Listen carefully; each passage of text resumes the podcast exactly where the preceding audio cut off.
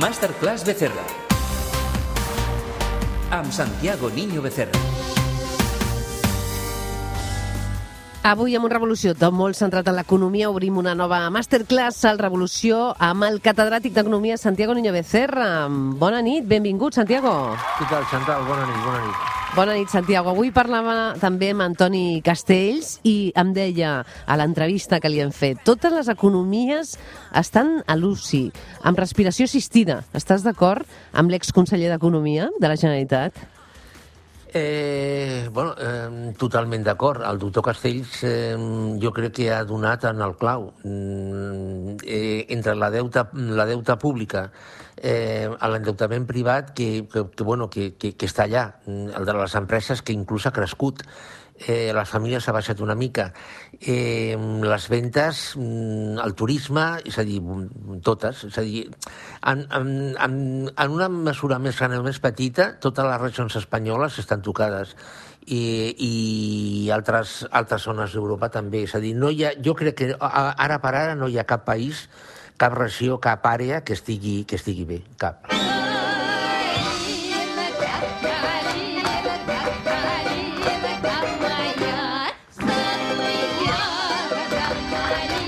Música russa per donar-te la benvinguda, Santiago. Saps per què et poso aquesta música? No perquè sospiti, eh, que tens simpatia amb Vladimir Putin, uh, que no, però aquests dies, uh, com saps, estàs sabent que diversos governs, entre ells Alemanya, estan negociant per poder comprar vacunes russes. És a dir, que sembla que la política única que seguia Europa amb la vacuna podria saltar pels aires. Santiago, és, és un exemple més que la Unió Europea és un invent que no acaba de funcionar. Què em diries? Bueno, jo el que et diria és que, excepte Israel, que aquí està funcionant com un rellotge suís, eh, tota la, la política de vacunació, tots els països ha pinxat, és a dir, la logística ha pinxat. Al Regne Unit i als Estats Units bueno, va bastant bé, però a la resta de països ha pinxat, i Europa en concret ha pinxat. Què, què, què ha passat? Bueno, jo suposo que en algun moment això s'explicarà en el futur, suposo, però eh, la, la política de compra mm, i d'aprovisionament, el timing de, per portar les vacunes, els compromisos de, de les farmacèutiques i després la distribució, mm, això ha, ha, ha punxat. I una cosa que a mi, mm, la veritat és que em sorprèn moltíssim, és que aquestes vacunes que s'han pagat amb diner públic, Chantal, diner públic, els contractes siguin secrets. Jo això no ho entenc. I per què són secrets, aquests contractes? Sí, són, són secrets. I sí, per sí. què? Ah, no ho sé, no, no ho sé, no tinc ni idea. Però són secrets, els contractes. I què sospites? Eh, jo, jo, crec, jo crec que si una cosa es paga amb diner públic, és a dir, qualsevol ciutadà, és a dir, aquests contractes tindrien d'estar penjats amb la web de la, de la Comissió Europea o de la Unió Europea eh, i, que, i els ciutadans podien anar a consultar-los. No sé, dic jo, eh? Però no, no és així.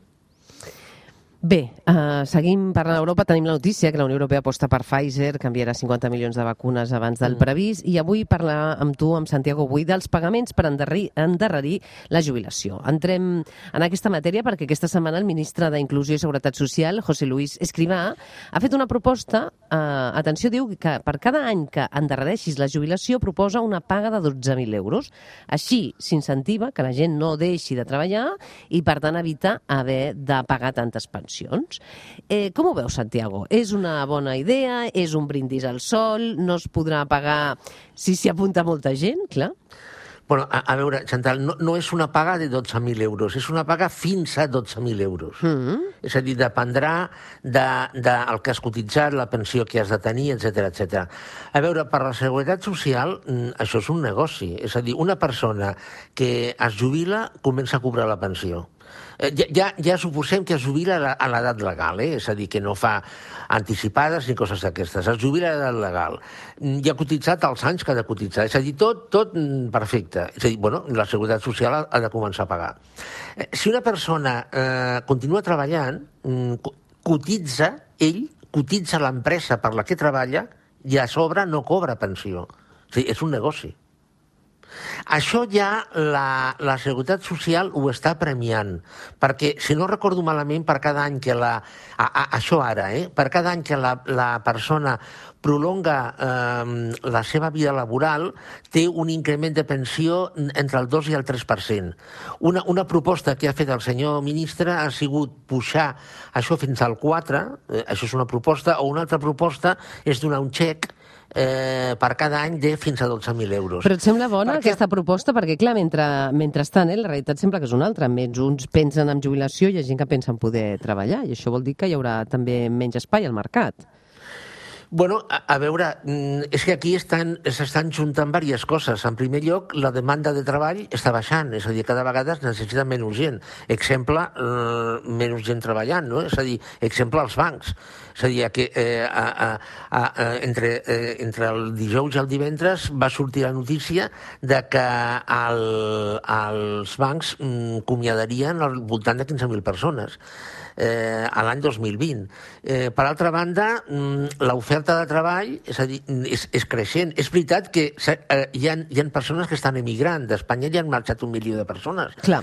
Però, però a l'atur mm, a l'atur no baixa. Eh, a la, la sotaocupació tampoc. Mm, les cotitzacions cada vegada eh, en proporció són més petites. De fet, eh, el jubilat mig que ara s'està jubilant té una pensió que és mm, un 20% més elevada que el salari mig del jove que ara s'està incorporant, de la persona jove que ara s'està incorporant al mercat de treball. És a dir, el, el, el, la, el sistema de pensions que tenim muntat no és sostenible. Clar. Mm, La, Um, a la Seguretat Social li, li convé moltíssim Li eh, convé que, que- les persones continuïn treballant. Clar, és veritat s'ha- que hi haurà menys, menys lloc de, tra de, tra de treball treball. nous eh, o buits perquè, perquè pugui, es pugui eh, fer la incorporació del, del jovent.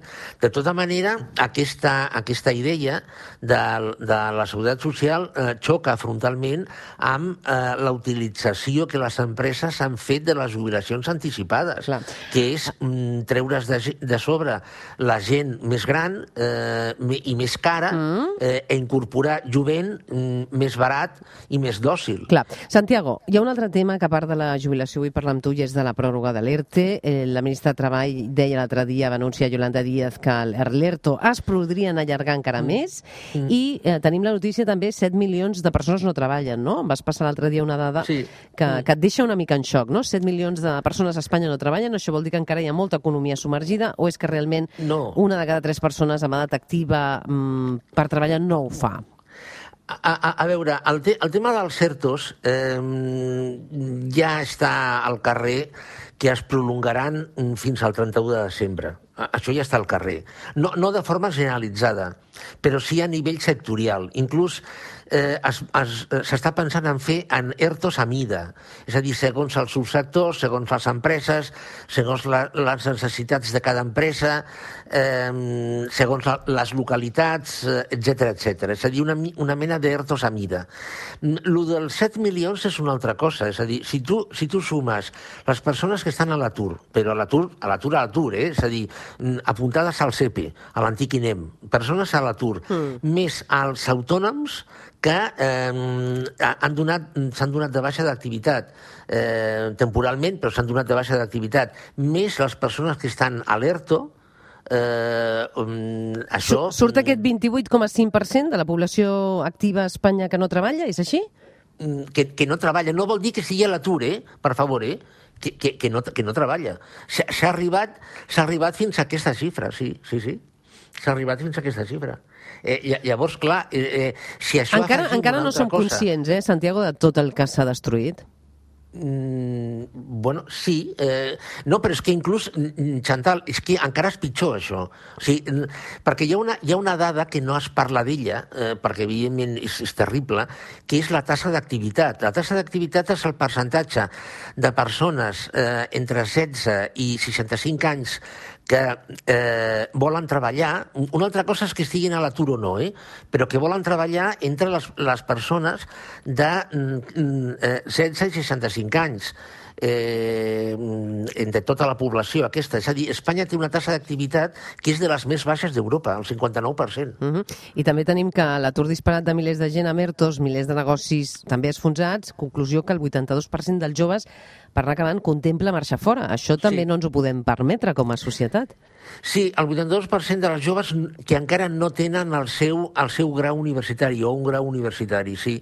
Sí, sí, bueno, eh, a, a veure, eh, jo, a mi em va sorprendre moltíssim aquesta xifra perquè jo, jo crec que això posa damunt de la taula la maduresa del, del jovent. És a dir, el jovent diu, mm, per estar aquí sense fer res, mm, intento marxar fora a veure si, si trobo alguna cosa. De tota manera, pensant que sempre marxen les, la, els més preparats, això significa que Espanya s'està descapitalitzant a nivell de capital humà. Eh, I això, evidentment, és molt dolent per un país i per una economia. Tu, que ets professor universitari, que estàs amb molts alumnes, detectes això del que estem parlant en el teu dia a dia? Amb Sí, molts, sí, molts estudiants amb ganes de, de marxar, per exemple? Sí, sí, jo, jo de, de tant en tant parlem d'això i, i jo a classe tinc, tinc molts alumnes que, si més no, volen fer un, unes pràctiques, una incursió, un tema, un- alguna cosa fora, sí, sí, e- evidentment. Quedar-se o no, això de, dependrà molt de les circumstàncies, però més, és a dir, més que fas 10 anys, sí, seguríssim, seguríssim. Uh -huh. Déu-n'hi-do, doncs ens quedem també amb aquests titulars, no?, que ens deies, 28,5% de la població activa a Espanya, atenció, oients, no treballa, estem parlant de quasi 7 milions de persones, a més tenim un 82% de joves que contempla marxa fora, segons aquest informe del Young Business Talents, i, i, i per tant, a vegades ens diuen és que el Santiago no explica gaires bones notícies, però és, el que, és la realitat, no? El que estem explicant és la realitat, Santiago. Com deia, com deia el, el Joan Manuel Serrat en aquella cançó, mm, Chantal, nunca es triste la verdad lo que no tiene remedio. Clar que sí. Doncs, uh, Santiago, com sempre, un plaer escoltar-te a la teva masterclass, al Revolució 4.0 de Catalunya Ràdio, i ens escoltem ben aviat. Molt bé, perfecte. Un- Gràcies, Chantal, bona nit. Una abraçada.